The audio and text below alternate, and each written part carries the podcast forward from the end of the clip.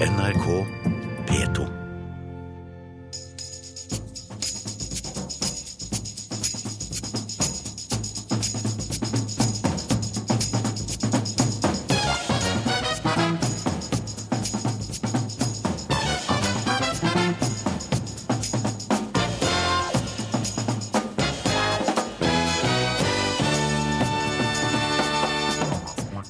Norsk fotballproff har takka ja til å trene det nordkoreanske landslaget. Han kommer til å bli brukt som propaganda for regimet, frykter fotballblogger. Mens Nord-Korea-ekspert mener han fortjener ros. Han gleda seg sånn til å bli russ at han tjuvstarta feiringa i første gym. Nå vil han avskaffe hele greia og møte sint russ til debatt. Og En, en stor, flott byste under en, en bunad, det, det kan jo føre til eh, både neste generasjoner og til eh, herlige stunder. sier Aune Sand, som likevel mener man må kle seg sømmelig på nasjonaldagen. Folk må få kle seg det de vil, svarer Anniken Huitfeldt. Hei og velkommen til ukeslutt. Jeg heter Gry Veiby, og jeg skal følge deg den neste timen her i NRK P1 og P2. Først i sendinga skal vi en ørliten tur til Stockholm, der det nærmer seg Melodi Grand Prix-finale i Globen Arena. Og i Stockholm er du reporter, Daniel Eriksen. Hva skjer nå noen timer før showet starter? Norge er jo som kjent ute, men eh, showet må gå videre. Og det er ikke hvilket som helst show heller. Det er rett og slett noe av det villeste jeg har sett og hørt. For uansett hvilket forhold man har til EEC, det trøkket man opplever inni Globen, får hårene på ryggen til å reise seg. Akkurat nå så står jeg på hotellet som er tilknyttet Globen, der stressa deltakere og pressefolk løper frem og tilbake. Det har vært mye av det i de dagene jeg har vært her, men jeg kjenner nå at tempoet er skrudd opp. Folk løper litt fortere. Eh, Men midt blant alle de unge, utspjåka EEC-fanatikerne her i Stockholm, så fant jeg ei som ikke er så imponert over konkurransen. Hun heter Lys Asia og vant den første EEC-konkurransen noensinne tilbake i 1956. Hun syns ikke dette har noe med musikk å gjøre i det hele tatt, og sa til meg at konkurransen har tapt seg. It's a show. It has nothing to do with song contest. Nothing at all. I, I hardly can remember one of the melodies who was catching, but it's only presentation, only. Uh, I think. Knallhard kritikk fra sangkonkurransens aller første vinner der, altså. Som syns det hele dreier minner mer om eh, showet enn om musikken. Og Lys Assia er ikke den eneste som eh, syns musikkonkurransen har tapt seg. Det skal vi snakke mer om snart. Takk så langt, Daniel. Nå skal vi over til en helt annen sak. Vi skal, skal en tur til Nord-Korea. 광명성 3호 2호기 위성 발사 성공!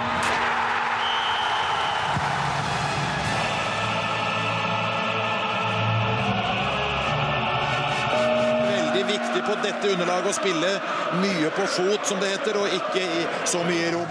전노동단만이 펼쳐놓을 수 있는 성대한 열병식과 분중 시위 ja, Da skal vi til ukas mest omtalte jobbskifte, for det er det en østfolding med tysk pass som står for.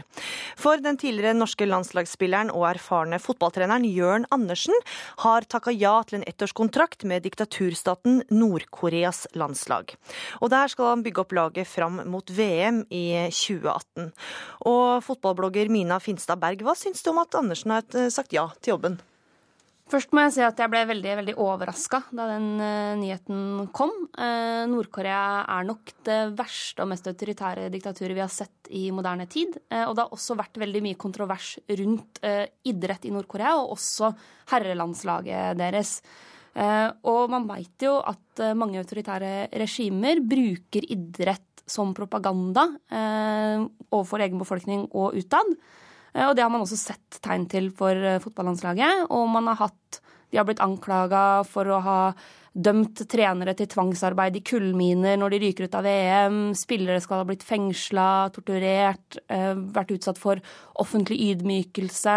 Sist i 2010 så ble spillerne anklaga for å ha svikta sitt ideologiske oppdrag når de røyket allerede i gruppespillet i VM.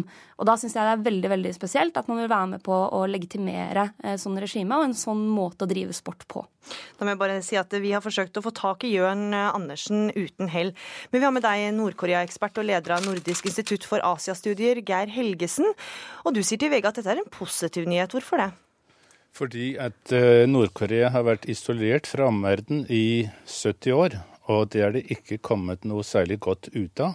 Og hvis eh, vi tenker på den eh, befolkninga som lever i Nord-Korea, 25 millioner mennesker, det er akkurat like mange som det bor i de fem nordiske land til sammen.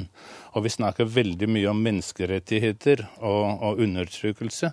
Så må vi altså konkludere at uh, isolasjon uh, er det verste. Det hjelper ikke. Uh, og vi må prøve å åpne opp. Og da har sport i historisk tid vært en, en god måte å gjøre det på. Sport og kultur.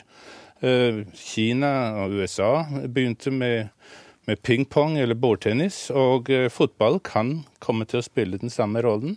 Og det er faktisk eh, en pionerinnsats som eh, Jørn Andersen begir seg ut på. Og det kan kun vurderes positivt.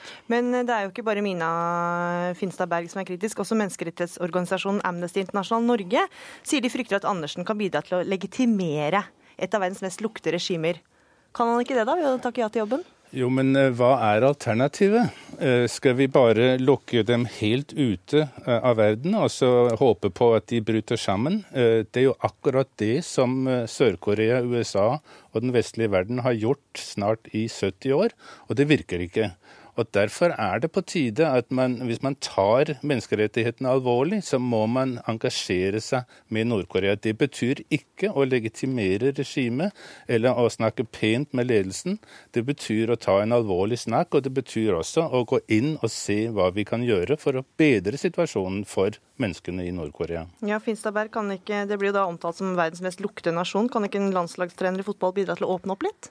Jeg frykter at det er ganske naivt å tro. Uh, altså jeg tror Andersen kommer til å bli ganske isolert i Nord-Korea. Jeg tror han kommer til å få se det Nord-Korea som regimet ønsker at han skal se. Han kommer ikke til å være i kontakt med mann i gata i, i Nord-Korea. Kanskje kan det føre til en bedring for spillerne. fordi de nordkoreanske landslagsspillerne har jo ofte framstått som veldig underkua. De sier ikke en lyd under oppvarming og trening. De har en supporterskare som ikke heller lager en lyd, uh, uavhengig om man scorer eller slipper inn mål. Så kanskje kan kan bidra der, men, men, det jeg frykter, er jo at han nettopp er med på å legitimere eh, regimet. Og fotballforbundet og landslaget i Nord-Korea er veldig veldig tett bundet opp mot både regimet, men ikke minst også militæret. Hmm. Vi skal ta inn en eh, tredjeperson her. Tidligere sportsredaktør i Adressa og fotballtrener Otto Ulseth. Du var landslagsassistent for Drillo i Irak i en eh, femmånedersperiode i 2007 og 2008. Hvordan merka du at fotballspillerne kom fra et land som nylig hadde vært et diktatur? Jo, det merka vi forholdsvis godt, for at de hadde jo en grusom fortid også som fotballspillere. De jo, hadde jo blitt utsatt for fengsling og tortur i forbindelse med idrettsutøvelsen sin, som det refereres til her. Så det er klart de var jo vant til helt, et helt annet hierarki, en helt annen ledelse enn det vi bar med oss. En helt annen, langt, langt mer autoritær ledelse. Hadde dere noen slags påvirkning på tankesett eller måten å gjøre ting på?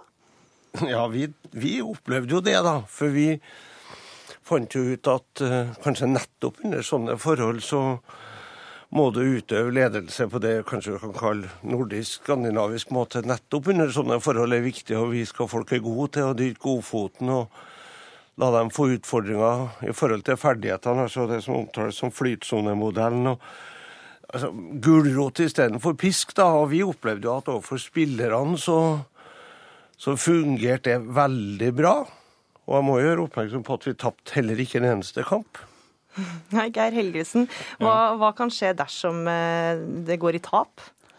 Altså, Jeg eh, blir nødt til å reagere på at en eh, fotballblogger kaller det naivt hvis jeg vurderer at engasjement er bedre enn isolasjon. Jeg vet ikke hva hun har greie på Nord-Korea, og hvor mange ganger hun har reist i Nord-Korea, hvor, hvor mange kontakter hun har der. Men jeg må også minne lytterne og NRK om at eh, Kim Dae-jong fikk Nobels fredspris i Oslo i 2000 fordi han gikk inn for åpning i forhold til Nord-Korea. Eh, det har ikke endret seg noe som helst i den sammenhengen. Den eneste endring er at det kom en, eh, et regimeskifte i USA, og, og, at man da begynte å snakke om Nord-Korea på en helt annen måte, som the axis of evil. Og, og det er altså nødvendig å se Nord-Korea i et større perspektiv enn å bare lese de forferdelige historiene som kommer i mediene, og som mange av dem er ganske riktige. Men vi blir nødt til å reagere på en annen måte enn vi gjorde tidligere. Og Derfor så er det litt trist at, eh, at man snakker om det som naivt, at vi skal engasjere oss for å hjelpe befolkningen i Nord-Korea. Må jeg bare rette opp det. Eh, jeg mener ikke det er naivt å håpe på eh, et Nord-Korea som går i en bedre retning. Det er ikke naivt å støtte opp om menneskerettighetsorganisasjoner, om aktivister i Nord-Korea. Støtte opp om diasporamiljøene, folk som har kommet seg ut av Nord-Korea. Spre deres historier om hva de har opplevd i fengsel. Det mener jeg er kjempebra. Og jeg mener at man må prøve å gjøre en forskjell. Og man må eh, ta Nord-Korea mer på alvor og nordkoreanske befolkninga mer på alvor. Men jeg bare tror ikke ikke at det her er landslaget som er veien å gå. Og jeg frykter at eh, risikoen eh, for at dette får et negativt utslag, er større enn muligheten for at det blir positivt. Ja, Helgesen, hva sier du til det? Jeg sier at uh, vi må nok vurdere at avprøvning av atomvåpen og missiler er negativt og må fordømmes. At Nord-Korea, som alle andre land, Eh, interesserer seg for sport og vil delta i, eh, i verdenssamfunnet, bl.a. verdensmesterskapet i fotball, det er kun positivt. Og eh, hvis vi skal begynne å, å lage politikk, internasjonal politikk i forhold til hvilke regimer som er noenlunde like gode som oss, så blir det veldig mange som vi må avbryte forbindelsen til og, og isolere. Og, og, det er dessverre sånn at i Nord-Korea er faren for krig eh, overhengende. ikke kun pga. Nord-Koreas atomvåpen, men også fordi at eh, landene omkring er rustet til tennene. Japan, Sør-Korea, USA. Det har akkurat vært en eh, militærmanøver utenfor Nord-Koreas Nord kyst med 270 000 eh, deltakere. Og det ser Nord-Korea som noe de frykter. De frykter et angrep.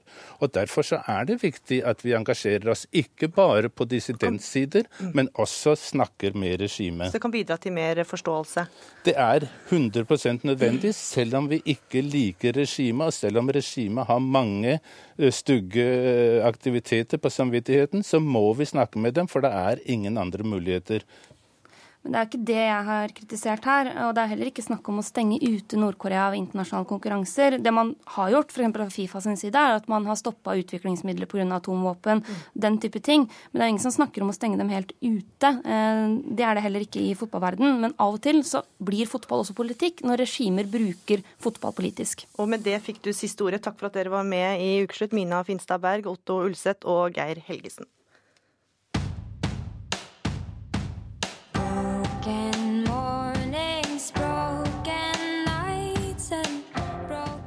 Og der fikk du norske Aurora med 'Conqueror'.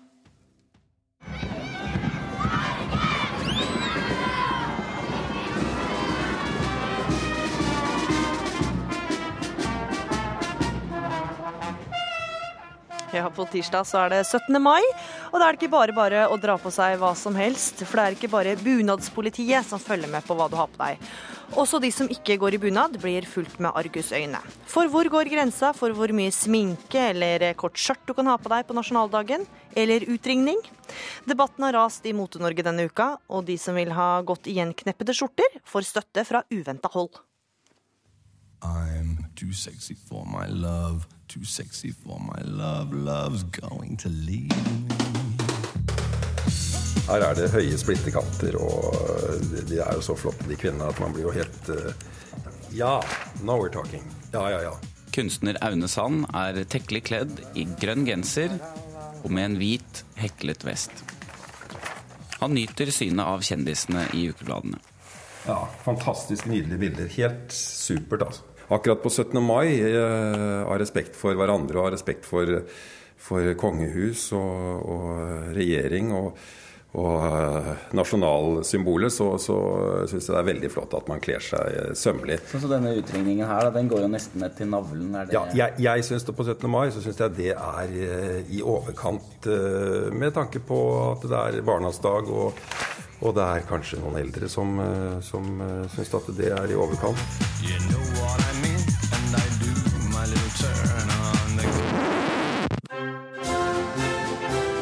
Denne uken har debatten rast i media og på sosiale medier. Hvor mye naken hud kan man egentlig vise frem på selveste grunnlovsdagen? Denne kunne man jo absolutt tatt på seg på, på 17. mai. Den er superklassisk i snittet, og så er den eh, passe tekkelig. Kanskje Er det noen som kan hjelpe deg å finne riktig kjole eller riktig dress, så er det min moteleder Martine Lunder.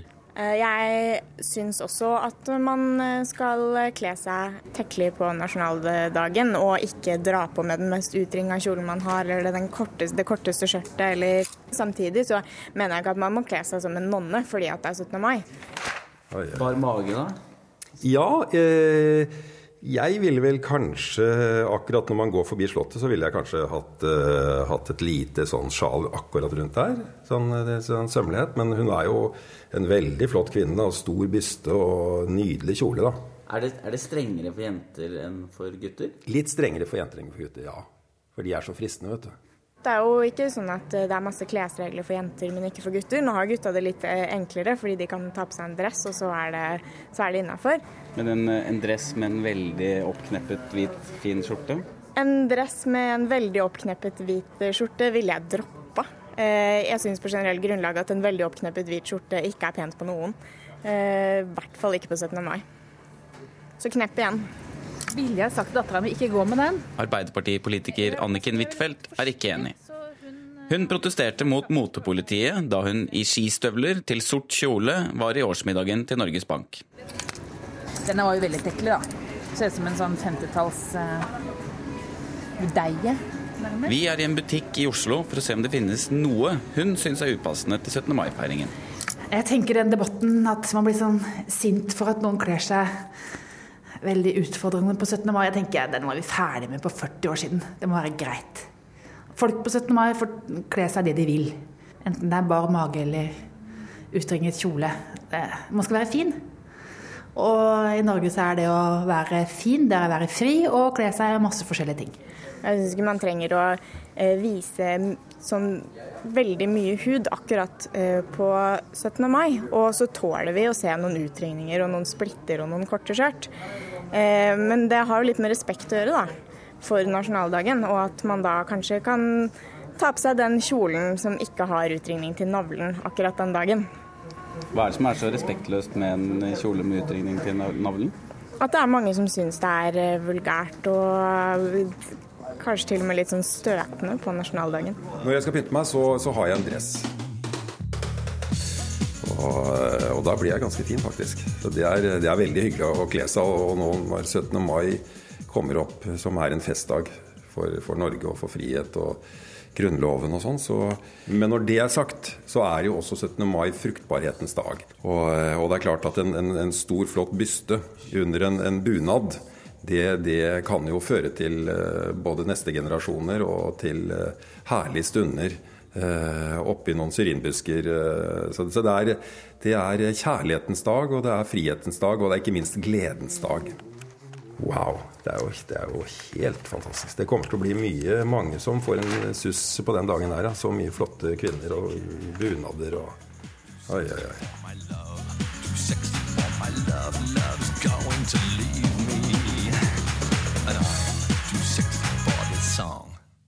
Ja, så gjenstår det å se om Aune Sand får rett. Reporter her var Magnus Bratten. Du hører på Ukeslutt, og det må du fortsette med også den, den neste halvtimen. For første gang sendes Melodi Grand Prix på amerikansk TV. Det kommer til å bli en stor suksess, spår tidligere deltaker Jenny Jensen, mens Grand Prix-ekspert Inge Solmo frykter USA vil prøve å bli med. Og veit du hvorfor vi har fri i pinsa? Husker jeg det ikke. Det er noen kristendommer. Jeg har ikke peiling. Gud, så flaut.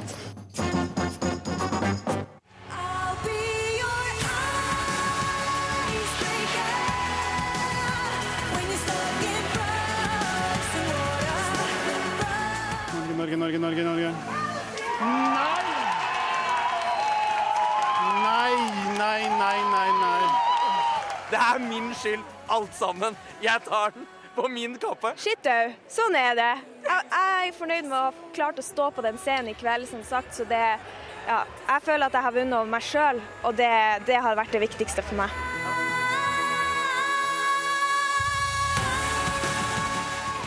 Ja ja, Norge røyk ut, men eh, showet må fortsette.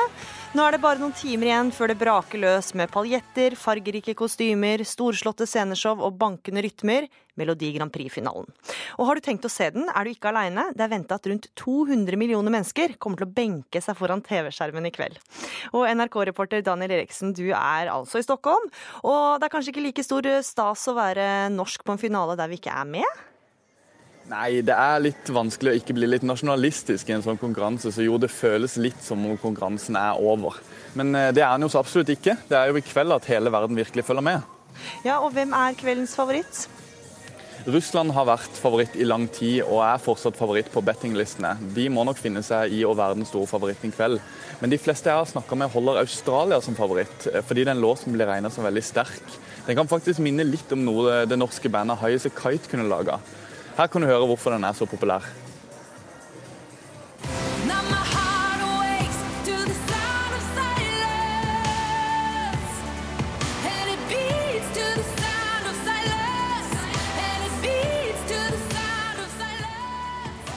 Litt eh, derfra også. Og finalen blir sendt direkte i eh, USA, Kina, Australia og Sør-Korea i kveld.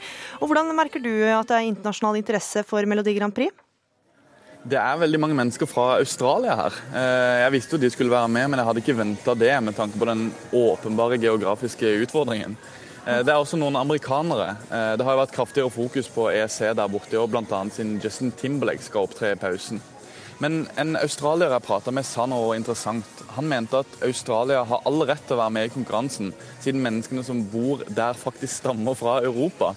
Eh, han var veldig kritisk til at USA skulle involveres, for han mener de kommer til å ta konkurransen og gjøre den til sin egen veldig raskt. Så det blir spennende å se hvordan denne konkurransen utvikler seg, også i tiden etter kveldens finale. Takk til deg, eh, Daniel Eriksen. Og det er ikke bare australiere som er skeptiske til å la USA få ta del i Melodi Grand Prix. Grand Prix-ekspert Inge Solmo, du frykter at det å sende Melodi Grand Prix i USA er en hemmelig invitasjon til å få landet til å bli med. Hva mener du med det? Eh, du bringer det jo på banen der borte. Amerikanerne har vel strengt tatt aldri nevnt Eurovision Song Contest, som det blir benevna i dag. Det har de vel aldri nevnt. Det var jo et hederlig unntak i 1995, da Nocturne vant. Da ble jo faktisk seieren benevnt i amerikanske nyheter, men det er vel sjelden. Så at de plutselig skulle hive seg på det her. Men det er vel kommersielle krefter, og det er mye penger å tjene på tellerskritt, blant annet. Så jeg tror det her er en hemmelig invitasjon. Og hvis eh, alle disse som har europeisk avstamning, skal være med i eh, Melodi Grand Prix, da må vi også invitere Canada og Brasil og hele Afrika, for det bor masse europeere rundt omkring og forbi. Ja, og Hvilke konsekvenser vil det få da for eh, konseptet? Da kan de jo nesten bare legge ned hele konseptet, og så får de jo bare legge det ned, og så får de jo bare starte opp en sånn her World Vision, og hvem som skal stå for den eh, eh, skuta, det får de nå finne ut, de som nå styrer med det der, men det blir nå å koste penger i hvert fall.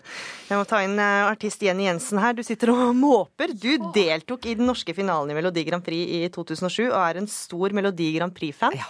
Og du, når du hørte at dette skulle bli sendt, sendt i USA for aller første gang, så jubla du? Ja, jeg jubla. Jeg syns jammen meg at det her var på tide. Og jeg mener jo større, jo bedre. Hvorfor i all verden skal vi holde det inn i ei lita gruppe? La oss få det ut! La oss få vise hva vi også driver med her i Europa. Eh, det er bare positivt. Jeg har sjøl bodd i USA. I 82 så bodde jeg der borte. Og etter at jeg sjøl var med i Melodi Grand Prix i 2007, jeg har jo mye venner og mye familie der borte, og de er jo bare helt hekta. De syns jo det her er fantastisk.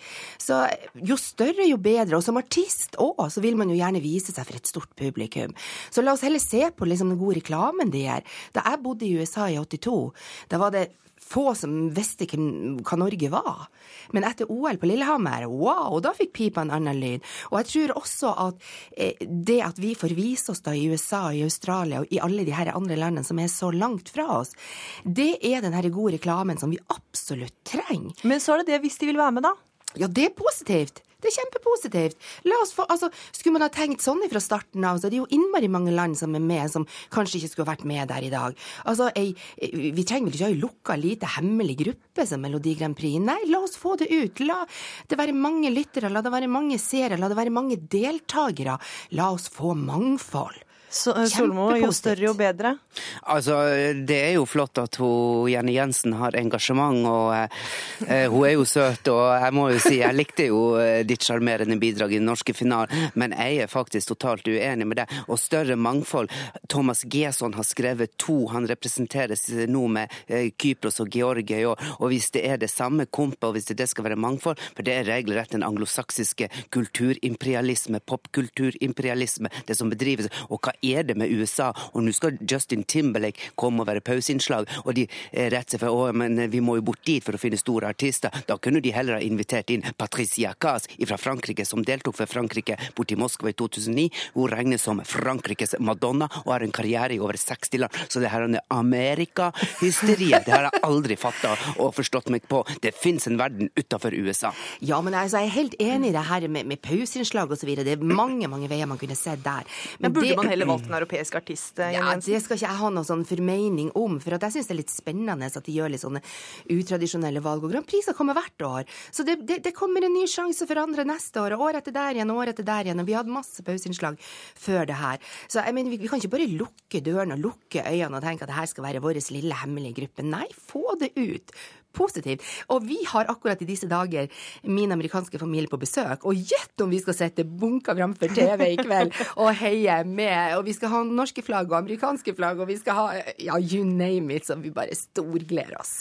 Det er vel ingenting som er hemmelig i dagens moderne samfunn, hvor, hvor uh, TV-signaler og uh, satellittsignaler de fyker uh, med lysets hastighet, så det er vel ingenting som er hemmelig i dagens samfunn. Men det betyr jo ikke at Europa må tvinge seg på Superbowl. Kan ikke vi få ha Eurovision eh, med den lille hemmelig eller den lille sære greia som det. For, eh, nei, jeg syns vi skal eh, ta vare litt på uh, litt av grunnstammen tilbake til type Sandremo-festivalen. Og det har vært mange store artister før de åpner opp både for språk og mer til. Men jeg tror at man kan ha mange tanker i hodet samtidig. Men, men Jenny Jensen, det heter jo Eurovision Song Contest. Ja. Skal det heller være World Vision Song Contest? Ja, altså hva det skal hete. Men jeg synes hele, altså konseptet er jo bare så fantastisk. Så å, å la det bli utvida, og la det bli flere land som blir være med, det syns jeg bare er positivt. Solmo, du mener jo faktisk også at de, de, fleste bør heller synge på sitt eget språk enn engelsk? Ja, det syns jeg, for det, eh, det, det provoserer øregangene til folk litt. For du er nødt til å sette deg ned og høre på de ulike låtene. Og uh, mange beskylder jo Øst-Europa. Det, det, er et begrep som jeg ikke liker, for det er en geopolitisk terminologi. Men jeg eh, mange beskylder deg for å ha ødelagt. Jeg ville si faktisk det motsatte. Da de kom med på 90-tallet, så berika de med sine litt rare sanger på sitt eget språk. Men det Men engelsk har har jo litt bredere appell, da? Altså, ja, det har litt bredere appell, men, men, alt skal jo konsumeres i full fart. Og du må av og til sitte, sitte, ned og lytte i tre minutter. Og hvis ikke folk har tid å lytte i tre minutter, ja, da burde de jo kanskje altså, begynne å ta seg tid til å lytte i tre minutter. For alt behøver ikke å være på engelsk, tralalala. Og mange av disse artistene har så dårlig engelsk at du skjønner ikke likevel. Nei, men altså, jeg, jeg, til dels så er jeg enig med deg. For da jeg var lita og bodde i Bjerkvik, i en lille bygd jeg kommer fra i Nord-Norge, så var det fascinerende. Ja, men da var det fascinerende å sitte og høre på alle de språkene. Og det var jo sånn på en måte den store verden kom inn i, i, i, i, livet mitt. Mm. Jeg satt og skrev lydskrift og så videre. Mm. Men, men, men, men, samtidig så er, er, det jo Har jo livet gått videre, og, og, og, og, det er også veldig OK å vite hva låtene handler om, og kunne skjønne teksten. Så det er positivt, det er positivt når man synger på engelsk. Men jeg er også enig med deg i det at, at du, du, hører låten mer ekte når det er på, på deres eget språk. Noe forsvinner jo når du, når, når du overfører til engelsk. Det er bare å ta blant annet Jacques Brel sin eh, 'Seasons in the Sun'. Det er jo egentlig han som har skrevet den, og der forsvinner jo mye av eh, den på engelsk kontra, uten at jeg sier at det, for det er en av mine favoritter, 'Seasons in the Sun' og Jacques Brel, men eh, den franske versjonen er faktisk enda mer dyster enn den er på engelsk. Ja, men, men sånn vil det jo alltid bli når man skal oversette, så vil det jo bli noe som blir borte på veien. Men, men Inge Solmo, kommer du til å følge med i kveld, eller? Du, jeg har ei venninne som mulig skal uh, kanskje føde i kveld, og hvis hun gjør gjør det, så må jeg på jobb. Men eh, hvis ikke Det det skjer noe fødselsdramatikk skjer, så eh, blir det å få med seg finalen. Og jeg syns faktisk eh, Serbia, og hun synger på engelsk, en av de få eh, av de her engelske som jeg liker, som har like god stemme som Agneta hadde, og hun har en veldig god diksjon. Der skjønte jeg faktisk engelsken også. Og jeg elsker Polen. Ja, det er mange som gjør det. spennende å følge med. Og hvis du liker Polen, gå og, og google henne fram. Anna Maria Jopek, hun sang på polsk i 1997. Hun er Ja. en av de største jazzsangerinnene i dag. Jeg og hør på henne. Og jeg jeg kjøpte, du vet det, Ja. jeg har kjøpt to album og hun synger på polsk. Jeg og tror vi ingenting, møtes en det dag. Ja, det må vi gjøre. Jenny Jensen. Og finalen sendes altså i kveld klokka ni på NRK1. Takk for at dere var med, Jenny Jensen og Inge Solmo. Eh, før den tid så skal vi mimre tilbake da Norge var på topp. Her får du La det svinge med Bobby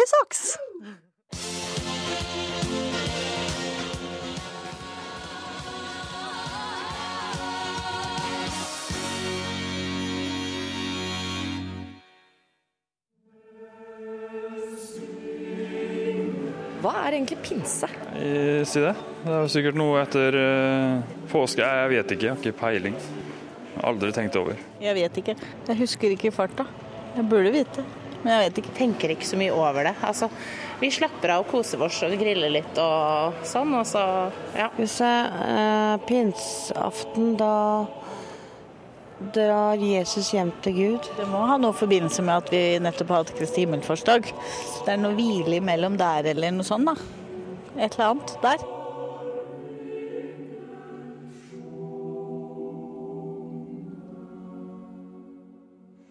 Ja, det er eh, pinsehelg, og det betyr eh, røde dager og fri fra jobben for eh, mange. Men hvorfor vi tar fri disse dagene, det er det, som du hørte, mange som ikke veit. Det har fått sognepresten i Sarpsborg til å kjempe for pinsens status. Hei, velkommen Oddrun. Takk, Else. Flagget er heist utenfor Kulandkirken i Sarpsborg, og kaffebordene dekkes til vårtreff. Da tenkte jeg vi skulle ta en sånn helt enkel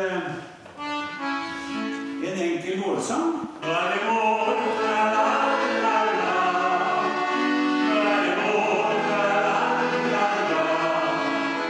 Rundt 30 pensjonister synger for full hals i lyset som strømmer inn gjennom glassmaleriet over alteret. Nå kommer det til, til syne. Det er ikke tilfeldig at sogneprest Trond Kaspo har tatt meg med akkurat hit. Ja, nå ser vi det fine glassmaleriet. Det har eh, i sentrum et eh, rødt parti. Det røde er jo pinsens farge, for det skal minne oss om ilden som kom og satte seg på hver av dem, som Den hellige ånd. Og så er det da en due i, midt i det røde. Eh, Duen er jo også pinsens og Den hellige ånds symbol. Guds ande kjem med heilag eh, eller jod. Foran PC-en på prestekontoret forbereder han pinseprekenen. Eh, Nei, med heilag glo, var det. Etter 40 år som prest blir det hans avskjedsgudstjeneste. Og det passer fint at den er nettopp i pinsen. For noen år siden fikk han nemlig en telefon på pinseaften som gjorde at han bestemte seg for å hente denne høytiden frem fra glemselen. Var det riktig? Sånn, sånn noenlunde. Ja. ja, jeg fikk en impuls da jeg satt ute på Svalgangen og hørte på kikkerklokkene som ringte inn pinsehøytiden. Og så ringte, hadde jeg beredskap, og så ringte politiet beredskapstelefonen, og jeg skvetter i. Og så spør politimannen om eh, klokkeren i kirken har gått eh, løp løpsk. For kikkeklokkene ringte, og folk klaget. Og så måtte jeg forklare han at vi ringer inn høytiden, og det har vi alltid gjort, så det er naturlig at det ringer nå. Det ble en vekker for sognepresten, som bestemte seg for å utvide pinsefeiringen i kirken, for å forsøke å nå flere med pinsebudskapet. Det, det som skjedde første pinsedag, var at Den hellige ånd ble utgitt til alle mennesker. For i det gamle Israel så tenkte man at Den hellige ånd det var bare noe som var forbeholdt folkets ledere. Eh, konger, profeter, dommere. Men så sa profetene at det skal komme en dag da alle skal få Den hellige ånd. Og Jesus sa det samme. Jeg skal forlate dere, men dere skal vente til dere får kraft fra det høye. Den hellige ånd skal komme som talsmannen. Det er pinse, det er bursdag, det er høytid, det er fest.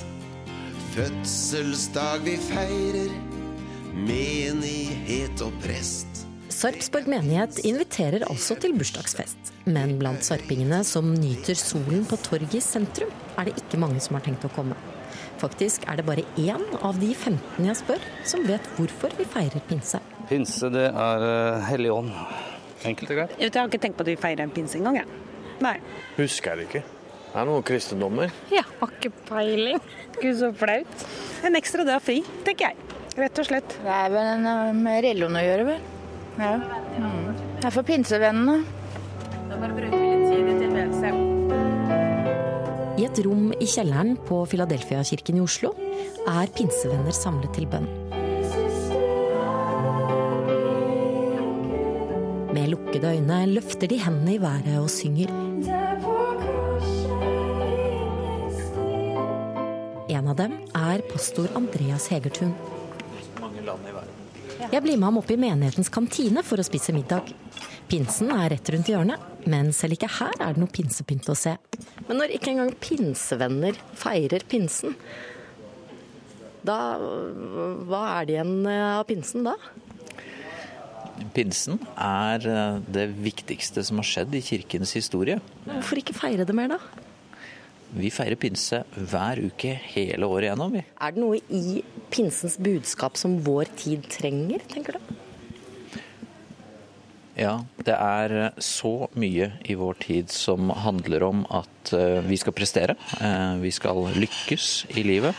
Men drømmen i pinsen og budskapet i pinsen er altså at Gud er for alle. Eh, Pinsen er for alle. Eh, Og da er jeg veldig enig med sognepresten i Sarpsborg at eh, å ta pinsen tilbake vil være noe som eh, jeg tror at forferdelig mange mennesker vil ha så godt av i livet sitt at du behøver ikke å kunne definere deg på innsiden av noe. Eh, Eller være så og så flink, eller så og så hellig, eller tro så og så sterkt. Fordi Guds ånd kommer som en gave til alle mennesker. Det er pinsens budskap, og den kan vi ta imot.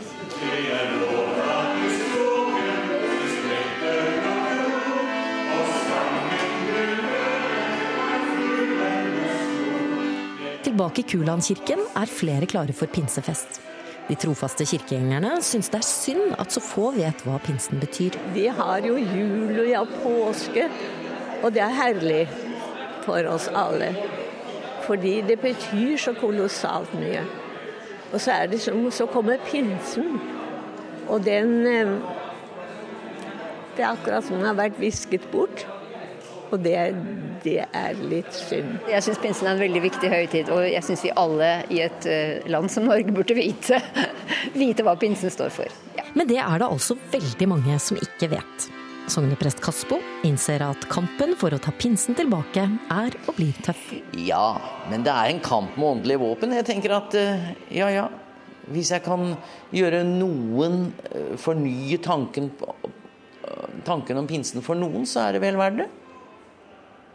Jeg regner vel ikke med at det skal komme tusenvis av mennesker til Sarpsborg kirke, men, men vi kan bevisstgjøre noe.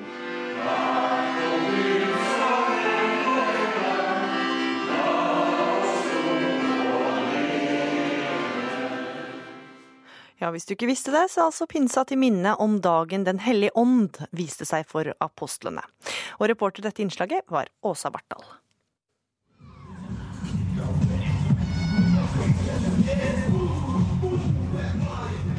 Da høres det kjent ut. Du er kanskje en av dem som har blitt vekka av dunkende bass om natta og vridd deg i frustrasjon over russen, som ikke har spart på noe, verken når det kommer til alkoholinnkjøp eller lydanlegg. Med mai kommer den både forhatte og elskede russetida, og denne uka tok flere rektorer til orde for å fjerne hele greia. Det gjør også du, Benjamin Arvola Notkevic. Du er ikke rektor, men du er politiker fra SV i Tromsø. Du vil også helst avskaffe hele russetida. Hvorfor det? Vi har lagt den svære feiringa midt oppi det som er den viktigste perioden gjennom eh, 13 år med skolene. Midt oppi eksamenstida, der du skal eh, lande det du har lært på eh, 13 år. Og Det var bakgrunnen for at eh, jeg gikk ut med det forslaget for noen dager siden og sa at eh, vi kan avvikle russetida. Hvilke reaksjoner har du fått på forslaget ditt? da? Jeg har fått eh, veldig mye forskjellige reaksjoner, egentlig. Det er jo eh, det er ekstremt upopulært blant dem under 30, og så er det ekstremt populært blant dem over 30. Så det har vært morsomt å se. Så var det For eh, ti minutter siden så var det eh, faktisk en som tok kontakt med meg. Han hadde sett meg på TV og syntes jeg så koselig ut og lurte på om vi kunne bli venner, så det var også en reaksjon. Og så er det en Har jeg fått to trusler faktisk også, i tillegg til det. Hvor Det ene var på Facebook, og det andre var en russebil som sto utenfor huset og dunka litt musikk. Men, eh, men det gikk veldig fint, og det var veldig udramatisk. Silje Olsen, russepresident på Kvaløya videregående skole. Du er midt i russetida nå. Hva syns du om forslaget om å avlyse hele feiringa? Ja, altså, eh, jeg syns jo at det er ganske, ganske teit forslag. For at nå er det jo sånn at eh, det her er en tradisjon som har vært så lenge man kan huske. Foreldre, ikke forfedre, men foreldrene mine har vært russ. Eh, 50 år siden, ikke sant. Eh, og siden jeg sjøl nå er midt oppi denne feiringa, så syns jeg det hadde vært veldig dumt hvis neste års russ f.eks. ikke skulle få hatt den samme opplevelsen som jeg har nå. Notkevic, hva er det som gjør russetida så ille, da? At du faktisk skulle avlyse hele greia? Det er jo at det er midt inne i eksamenstida. At det er midt inne i den viktigste perioden av, av hele den tida som vi går på skolen. Og Det er jo det er veldig interessant at, at eh, 59% av rektorene i Norge er enig i det at russetida ødelegger for skolen, og den gjerne skulle sett at man, at man kunne fjerne den eller få den i en annen form. Mm. Ja, Silje Olsen, Det er ikke alle som klarer å balansere skolegang og fest. Er det ikke bedre å fokusere på eksamen da enn russetida? Jo, altså det er jo et godt poeng. Eh, men det som er, det jeg sjøl ser på min skole, er at det er ikke så mye, det er ikke så mye frafall eh, som man skulle trodd at det var. Eh, folk kommer seg tidsnok på skolen, og folk utfører utar, nei, arbeidet som vi holder på med på skolen.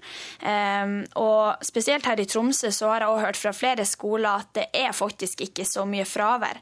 Eh, og jeg skjønner at det er litt vanskelig å fokusere på skole nå den siste tida, men jeg vil ikke si at det her går så mye utover eksamen, i og med at eh, forberedelsene til selve eksamen er ikke før etter russetida. Det begynner faktisk den 20. mai. Ja, men jeg må si at inspirasjonen til det her utspillet det var et bilde jeg så på Twitter av en lærer som, som hadde posta eh, av et tomt klasserom der det burde vært 30 elever, men det var null elever eh, pga. russetida.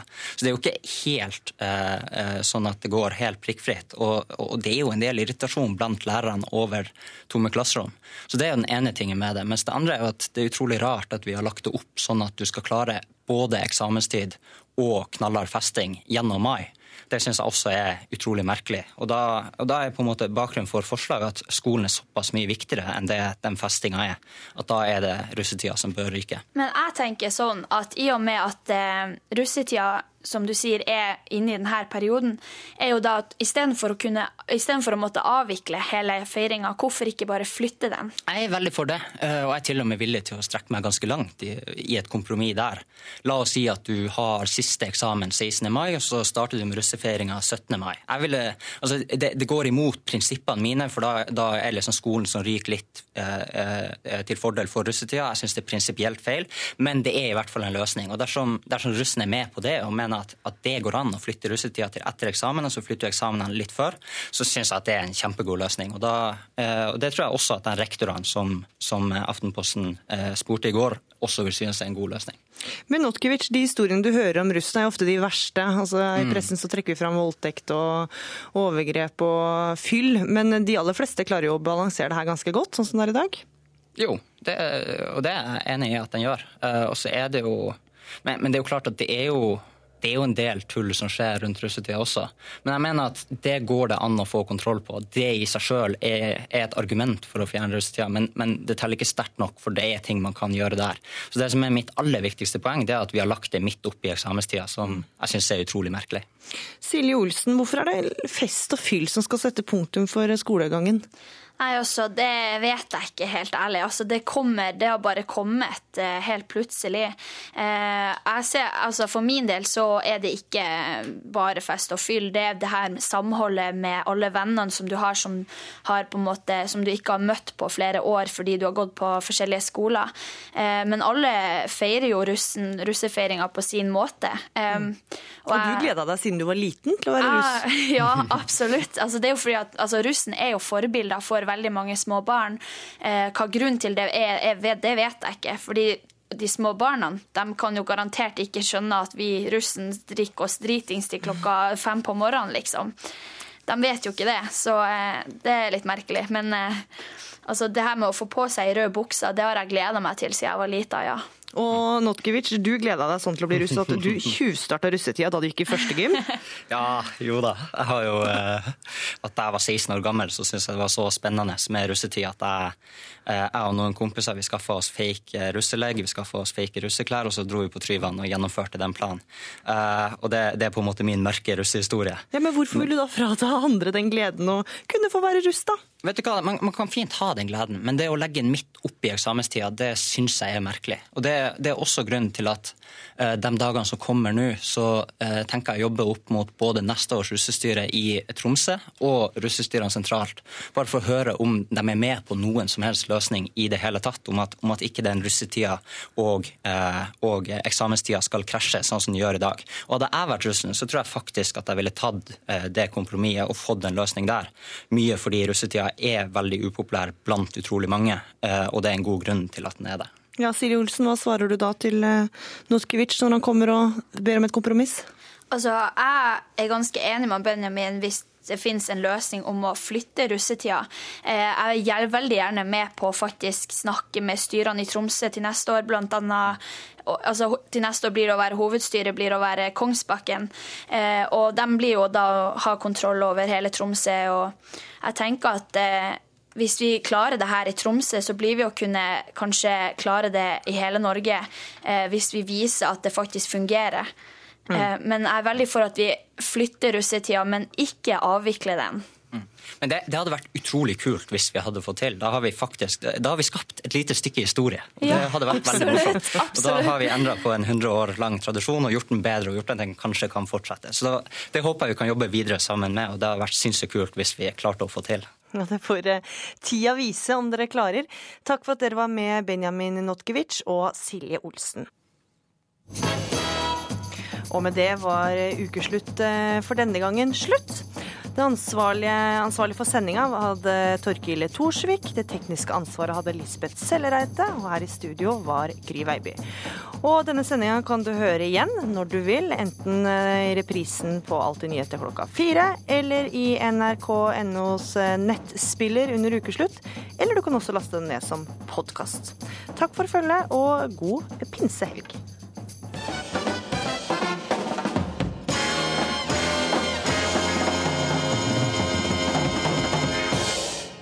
Hør flere podkaster på nrk.no podkast.